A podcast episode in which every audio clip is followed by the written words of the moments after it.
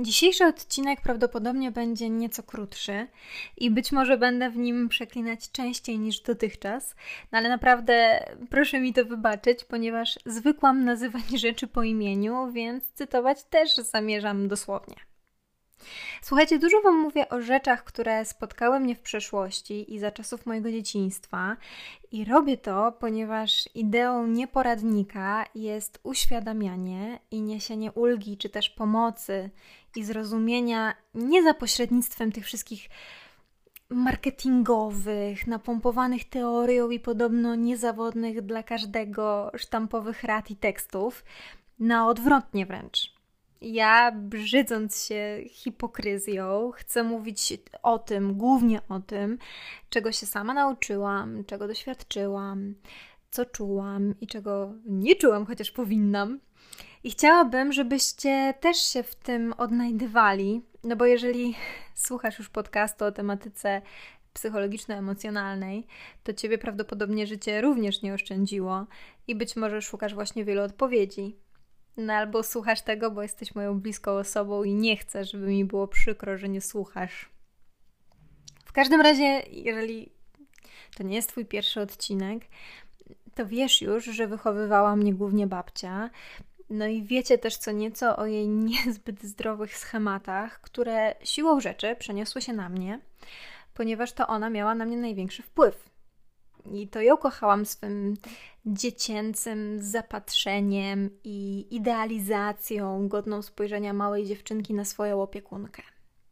Nawet jeśli teraz wiem, że ta opieka niejednokrotnie była manipulacją, czy też swojego rodzaju ochłapem tego, co faktycznie mała dziewczynka chciała dostać, powinna dostać i potrzebowała dostać.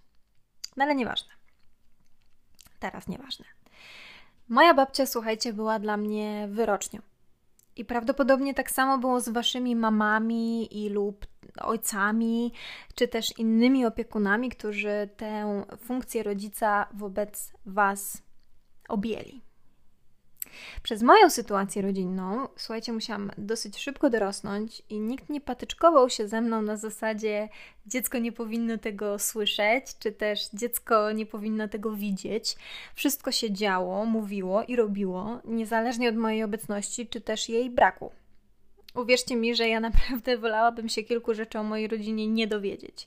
I mówię całkiem serio, wolałabym żyć w błogiej nieświadomości, bańce, no jednak w obliczu odkrywającej się, odgrywającej się awantury, przyprawionej oczywiście wykrzykiwaniem sobie najgorszych rzeczy, i oczywiście no, okropnymi faktami spoliczkowano mnie niejednokrotnie, chociaż to nie ja się awanturowałam i, i, ja nie brałam udziału w ogóle w tej awanturze. No a jedynie i aż jako dziecko byłam po prostu kolejnej awantury świadkiem. I w tym wszystkim zaczęłam bardzo szybko od mojej babci słyszeć, że każdy facet to jest chuj. Dosłownie. Według kobiety, która kreowała mój światopogląd i moje pierwsze spojrzenia na innych ludzi, no to mężczyźni to był, uwaga, podgatunek. Znowu zacytowałam. I panowie, którzy tego słuchają, ja naprawdę teraz trzymam rękę na piersi i ja Was przepraszam. Przepraszam w imieniu mojej świętej pamięci babci. Ty... Ją po prostu tak skrzywdzono. Ja spróbuję Wam to zaraz wyjaśnić i myślę, że wyjaśniać nie muszę tego, że kompletnie się z teorią babciną nie zgadzam. No, nikt nie zasługuje na to, żeby być tak nazywanym czy też ocenianym, niezależnie od przykrych doświadczeń osoby, która takimi osądami ma czelność władać. Tutaj sobie mam, mam nadzieję, że to jest dla nas wszystkich jasne. I faktem jest, że moja babcia, słuchajcie, do mężczyzn no szczęścia nie miała. I została sama została zdradzona sama z dwójką małych dzieci, bez praktycznie środków do życia i możliwości prowadzenia chociażby w miarę wygodnego e, funkcjonowania. Czy też inaczej mówiąc po babcinemu, no to moja babcia miała po prostu przejebane. Nie, słuchajcie, trochę mam radochę, że mogę tak bezczelnie bluzgać i zwalić to wszystko na potrzeby cytatów.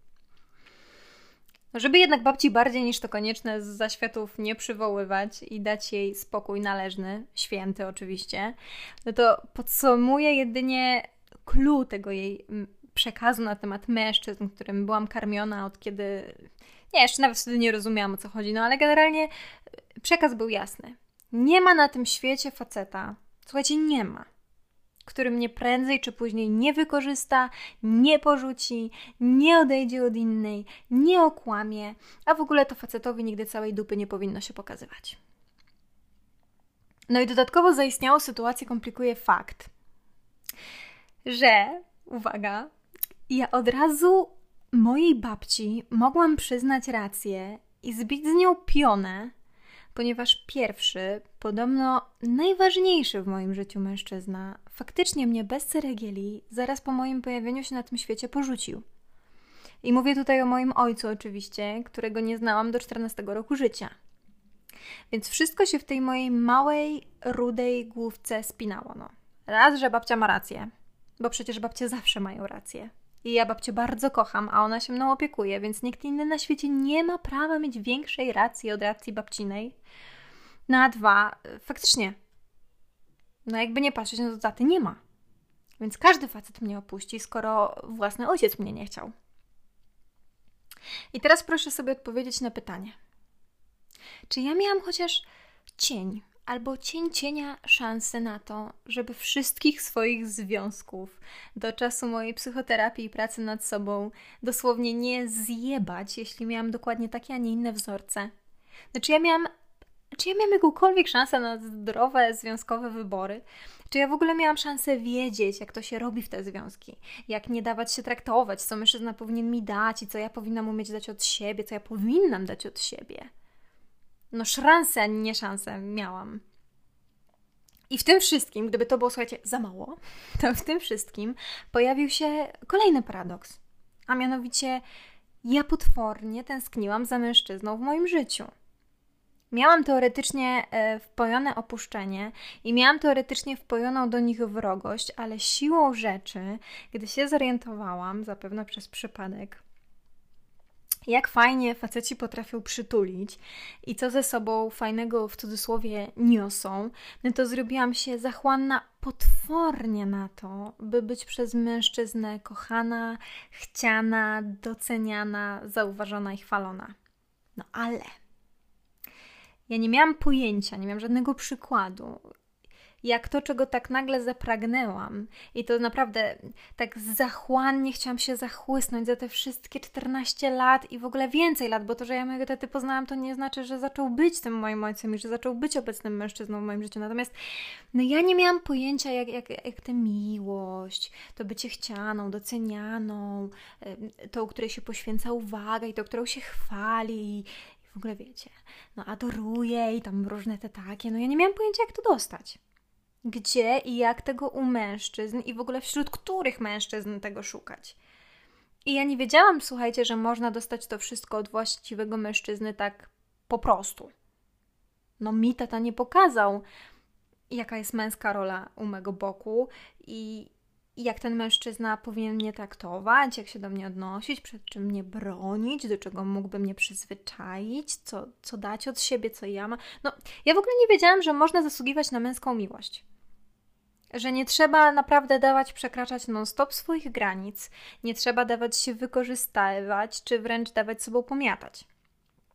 I że nie trzeba się prosić, nie trzeba wymuszać. No, wykształciło się we mnie mimowolnie przekonanie, że męska miłość to jest coś i męska atencja, na co trzeba ciężką, e, naprawdę ciężko drogą srogich poświęceń zapracować. I w ogóle miłość Miłość musi być twarda i ciężka, bo inaczej nie jest prawdziwa. I ja nie lubię się powtarzać, ale lubię dobre książki. I w jednym z pierwszych odcinków Nieporadnika mówiłam o kobietach kochających za bardzo. I tak naprawdę, według mnie, to co teraz Wam przeczytam, czyli początek tej książki, właściwie jedno z pierwszych jej zdań, to według mnie to dotyczy każdej dziewczynki, która z jakiegoś powodu dorastała w tęsknocie za męskim ciepłem, męskim zainteresowaniem i przede wszystkim męską bezwarunkową akceptacją. I naprawdę dotyczy to każdej, której tata, nawet jeżeli był, to nie potrafił okazywać uczuć. I tak, drodzy panowie, to z nas wyrastają te przysłowiowe zołzy, te niezrównoważone wariatki, te atencyjne, zaborcze, zdesperowane, czy tam wstaw dowolne, jak niejednokrotnie słyszałam, że potraficie nas nazywać. To z nas, ale to nie dlatego, że chcemy takie być, słuchajcie, a dlatego, że wyrastałyśmy w braku i w szkole nas nie nauczyli, jak pójść do terapeuty lub samemu przepracować ten brak. Za to potrafimy kurwa y, wyrecytować wzór skróconego mnożenia. Dlatego po raz kolejny w swojej tak naprawdę nieistniejącej karierze podcasterki zbijam teraz mentalną piątkę z każdym, kto nie umie zdrowo w miłość i związki, bo na przykład, cytując książkę, Wychował się w rodzinie dysfunkcyjnej, która nie zaspokajała jego praktycznie żadnych potrzeb emocjonalnych. Kto został pozbawiony prawdziwej troski i wsparcia ojca i usiłuje to teraz nadrobić w jakikolwiek inny sposób, stając się czyjąś opiekunką. Najczęściej mężczyzny, który sprawia oczywiście wrażenie nieudolnego i potrzebującego. Kto jako dziecko, mimo wysiłku, nie zdołał zmienić rodziców albo jednego z nich ciepłych i czułych opiekunów, no zatem teraz reaguje niezwykle silnie na kogoś, kto jest uczuciowo niedostępny. Chcąc zatem znów dokonać cudu, i oczywiście tutaj czarodziejskim środkiem ma się stać miłość tej osoby. Zbijam piątkę z każdym, kto się panicznie boi opuszczenia, więc zrobi wszystko, żeby związek trwał.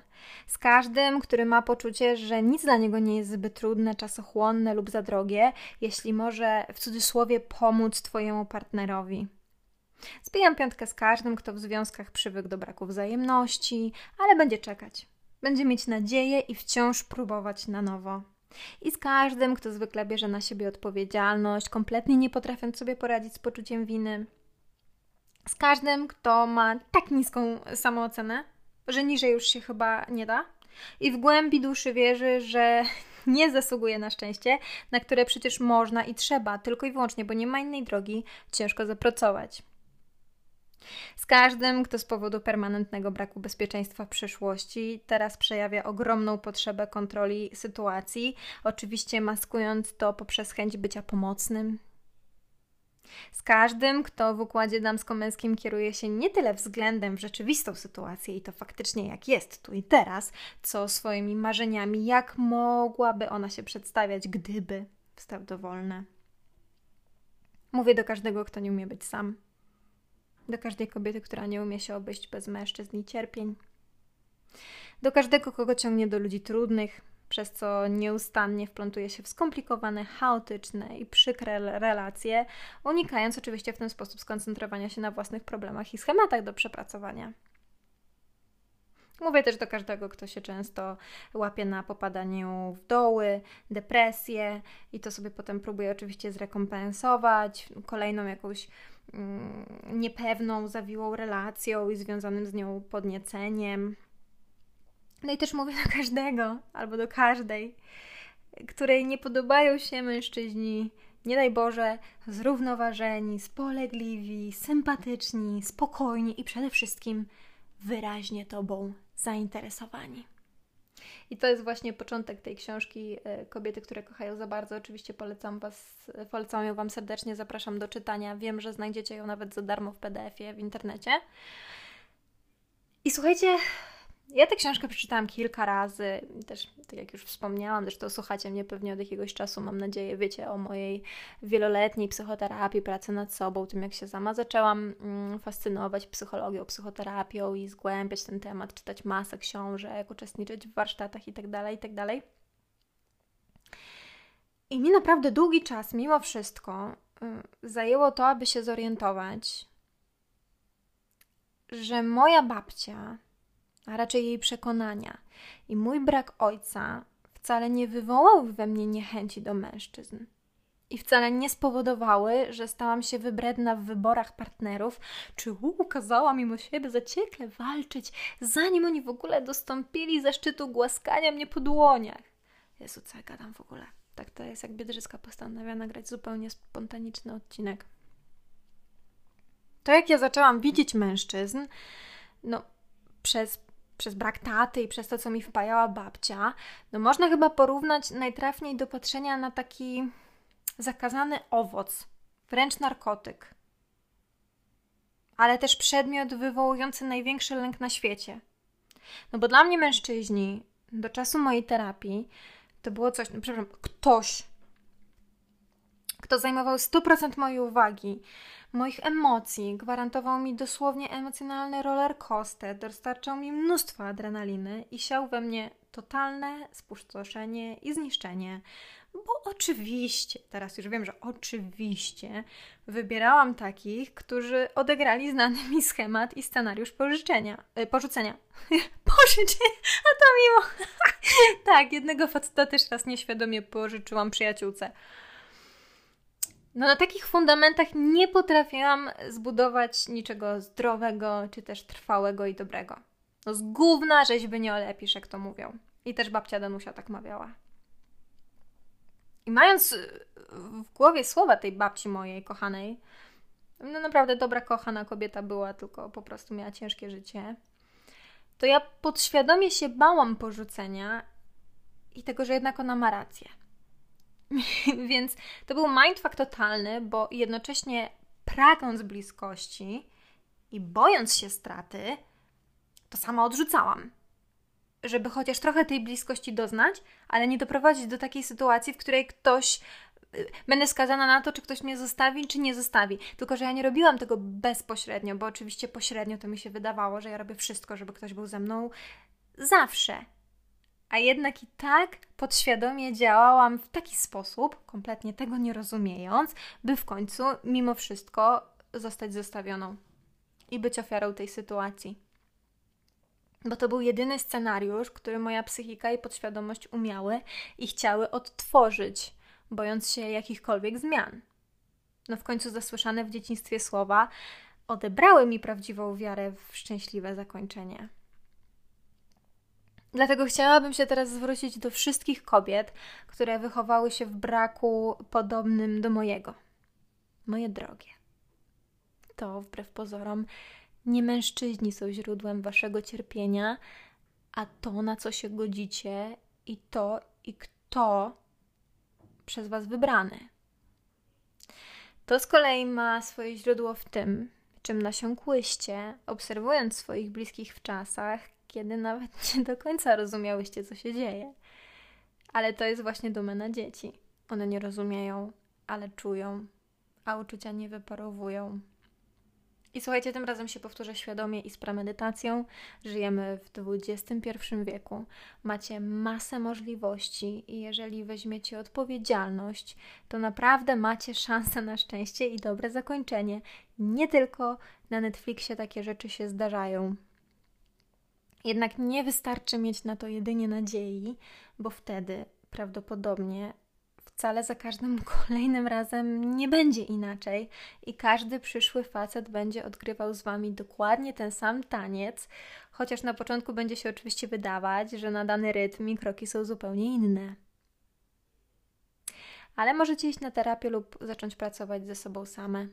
Możecie czytać odpowiednie książki i wykonywać praktyczne zadania, które poszerzą Waszą perspektywę. Możecie znaleźć grupy wsparcia, warsztaty i właściwie wszystko, czego potrzebujecie. Ja oczywiście, jeżeli będę mogła pomóc z jakąkolwiek polecajką, to zapraszam do tego, żeby do mnie pisać, zarówno przez fanpage na Facebooku, jak i przez Instagrama. Bo słuchajcie, wystarczy chcieć. I oczywiście, że, ale naprawdę wystarczy chcieć. W sensie potem jeszcze trzeba chcieć wytrwać i chcieć pracować, ale ta chęć, ta chęć, która się urodzi w momencie, w którym już naprawdę masz dosyć tego, jak po raz kolejny cię potraktowano, potrafi być tak zajebistą motywacją, że mam nadzieję, że sama się o tym przekonasz. No i żeby była jasność, dzisiejszy odcinek można wedle oczywiście potrzeby interpretować w kwestii płci. Mówiąc na swoim przykładzie, mówiłam o toksycznych wyborach w cudzysłowie moich mężczyzn. Natomiast zdecydowanie można ten przykład odwrócić i nagrać zapewne kilka innych analogicznych odcinków o kobietach. No a mówiąc już poza tym wszystkim, moi drodzy, mam nadzieję, ogromną nadzieję, że podoba Wam się kalendarz mentalowy, w to myślę adwentowy, i możecie chociaż z jednego dnia wyciągnąć coś dla siebie. Jeżeli nie wiesz o czym mówię, to zajrzyj proszę na e, profil na Instagramie o nazwie Biedrzycka Publikuje. No albo obserwuj y, uważnie relacje z fanpage'a na Facebooku. Ściskam Was mocno, dziękuję za dziś i do usłyszenia niebawem.